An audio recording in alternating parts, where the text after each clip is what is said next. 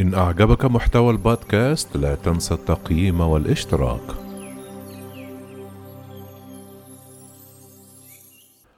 أردوغان يريد حفر قناة موازية له على مستوى قناتي السويس وقناة بنما. الصلاة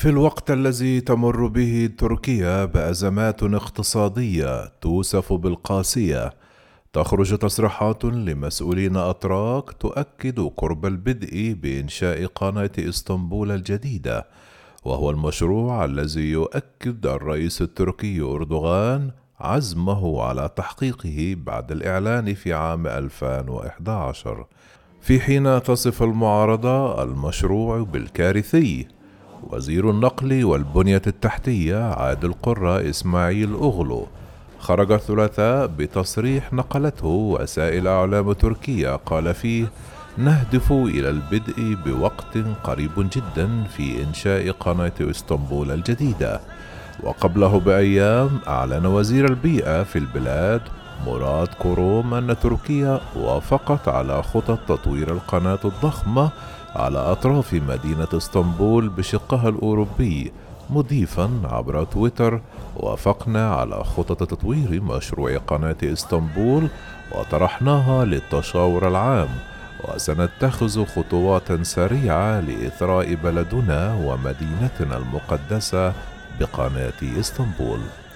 هذه الدفعة المزدوجة من قبل إسماعيل أغلو والوزير كوروم وبينما لاقت أصداء معارضة ليست بجديدة داخل الأوساط التركية أحاطت بها عدة إشارات استفهام حول مصدر رأس الأموال الذي سيدفع باتجاه البدء بالمشروع والتي تقدر تكلفته التقديرية بحوالي 75 مليار ليرة تركية أي ما يعادل 9.2 مليار من الدولارات. وتمر البلاد في الوقت الحالي بأيام صعبة تمثلت ومنذ أكثر من أسبوع بتدهور غير مسبوق في سعر صرف الليرة التركية ضمن سوق العلاقات الأجنبية وبموازاة ذلك يعاني الاقتصاد التركي من ارتفاع معدلات التضخم. الأمر الذي انعكس على حركة الأسواق وأيضا على جيوب المواطنين الأتراك.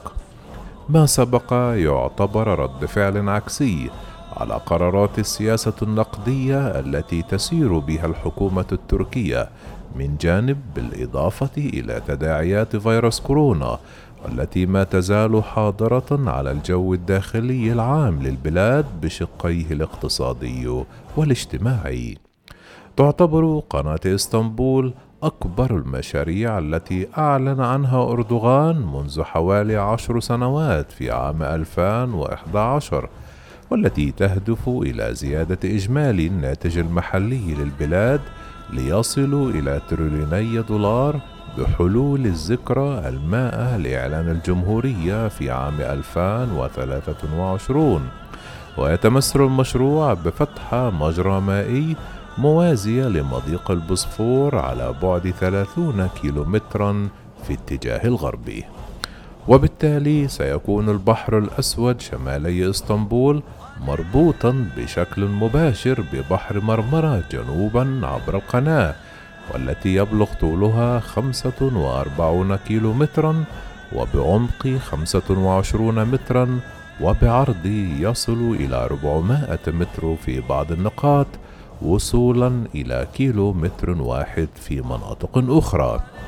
وتبدأ القناة من بحيرة كوتشوك شكمجة وهي بحيرة طبيعية في بحر مرمرة إلى الغرب من إسطنبول وتمتد شمالا إلى سد سالسديري ثم قرية شملارا وصولا إلى البحر الأسود.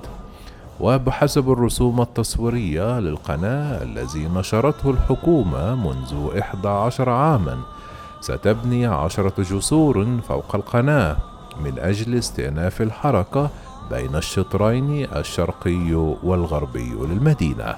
وقالت الحكومة التركية مؤخرا إن القناة ستخفف حركة الملاحة في مضيق البوسفور أحد أكثر الممرات البحرية ازدحاما في العالم وستمنع حوادث مماثلة لتلك التي حدثت هذا الأسبوع في قناة السويس المصرية على حد وصفه.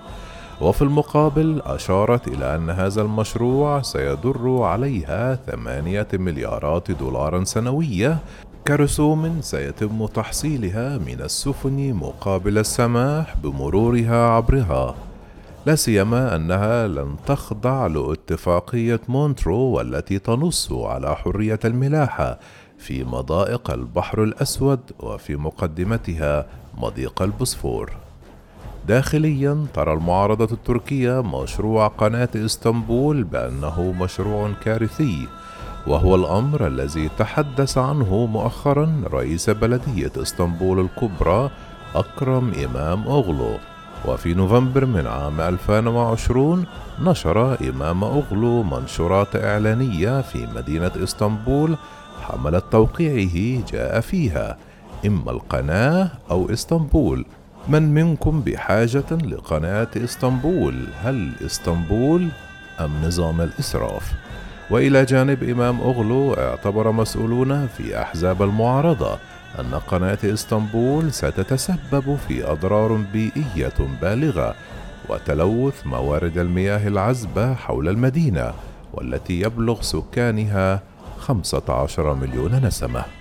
في المقابل وفي تصريحات له أواخر العام الماضي أعلن أردوغان أن مشروع قناة إسطنبول وصل مرحلة طرح المناقصات وقال لوكالة الأناضول نريد الوصول بصندوق الثروة السيادي إلى مستوى مختلف عالميا خلال المرحلة القادمة معتبرا أن مشروع القناة سيعطي لإسطنبول مظهرا متميزا وقوة مختلفة على الصعيد الدولي.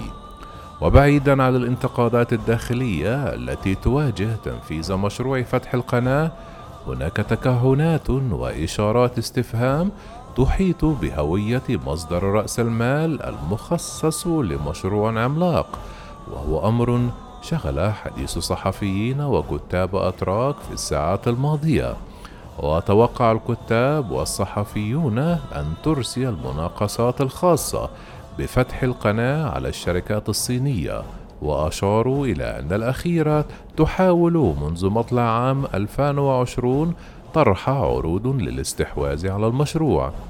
أما الكاتب التركي صبري بالمان تطرق وفي مقالة على صحيفة عقد الثلاثاء إلى الزيارة الأخيرة التي أجراها وزير الخارجية الصيني وانغ يان إلى تركيا ويقول الكاتب كان هناك عدة ملفات مطروحة للنقاش بينها الاقتصاد والطاقة والتجارة والاستثمار والتعاون في البنية التحتية.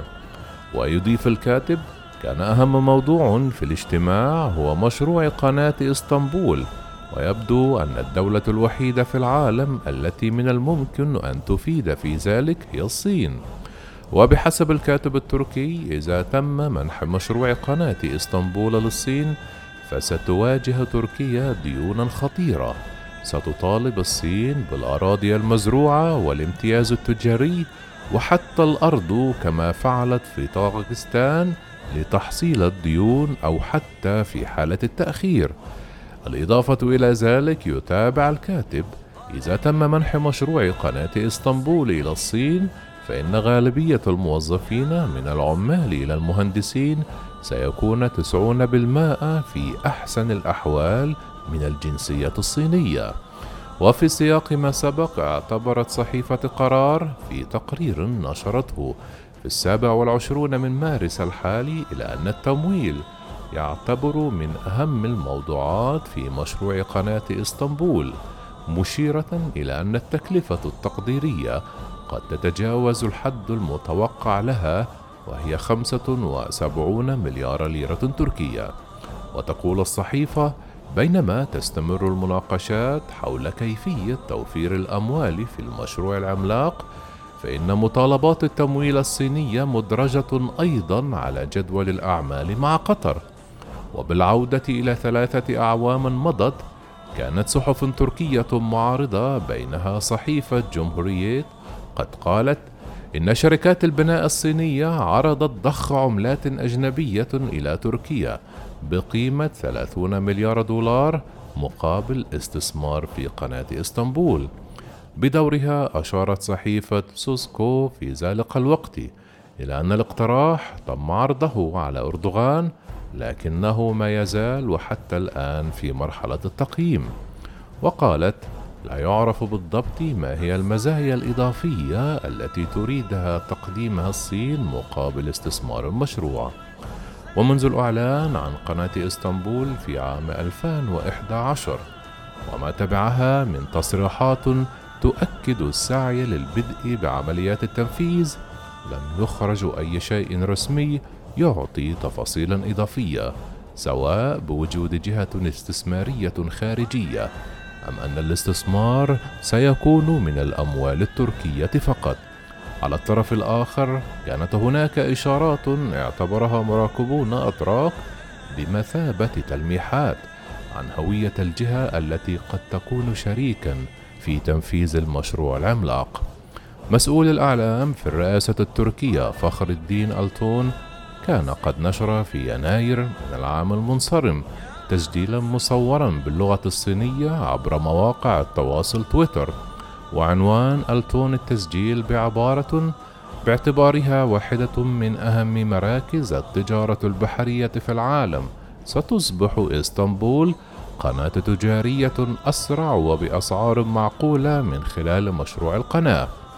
وعقب ساعات من نشر التسجيل قالت وكالة الأناضول ووسائل إعلامية مقربة من الحكومة التركية إن ما نشره ألتون لاقى اهتماما كبير في إحدى أكبر الصحف الصينية وهي صحيفة الشعب اليومية. إلى جانب صحف تشاينا ديلي وأكبر موقع إخباري صيني. china.com ونقلت الأناضول عن صالح يلماز عضو الهيئة التدريسية في جامعة يلدريم بالعاصمة التركية أنقرة قوله سعت الصين إلى دعم مشروع قناة إسطنبول والقناة الأوراسية لفتح طريق يربطها بأوروبا من أجل ضمان وصولها إلى الأسواق الأوروبية والالتفات على الضغوطات التي تمارسها إدارة الولايات المتحدة ضد بكين. وأضاف يلماز المقرب من الحكومة التركية. قدمت الشركات الصينية مقترحات من أجل تغطية تكاليف كل المشروعين مشيرا إلى أن مشروعي قناة إسطنبول والقناة الأوراسية من شأنهما تعزيز القوة الاقتصادية للصين. وفتح أبواب القوقاز وأسيا الوسطى عبر تركيا وعن طريق البحر نحو الأسواق الغربية. عقب الزيارة الأخيرة التي أجراها وزير الخارجية الصيني وانغي إلى نظيره التركي مولود جاويش أغلو عبر تويتر. إن اللقاء سبل تعزيز التعاون الاقتصادي بين البلدين في الذكرى الخمسين لبدء العلاقات الدبلوماسية بينهما. اللقاء المذكور تبعه آخر بين وانغوي والرئيس رجب طيب أردوغان. وحسب ما ذكرت وكالة الأناضول كان اللقاء مغلقا لمدة ساعة وعشرة دقائق ولم يصدر بيان من الرئاسة التركية حول القضايا التي طرحت خلاله.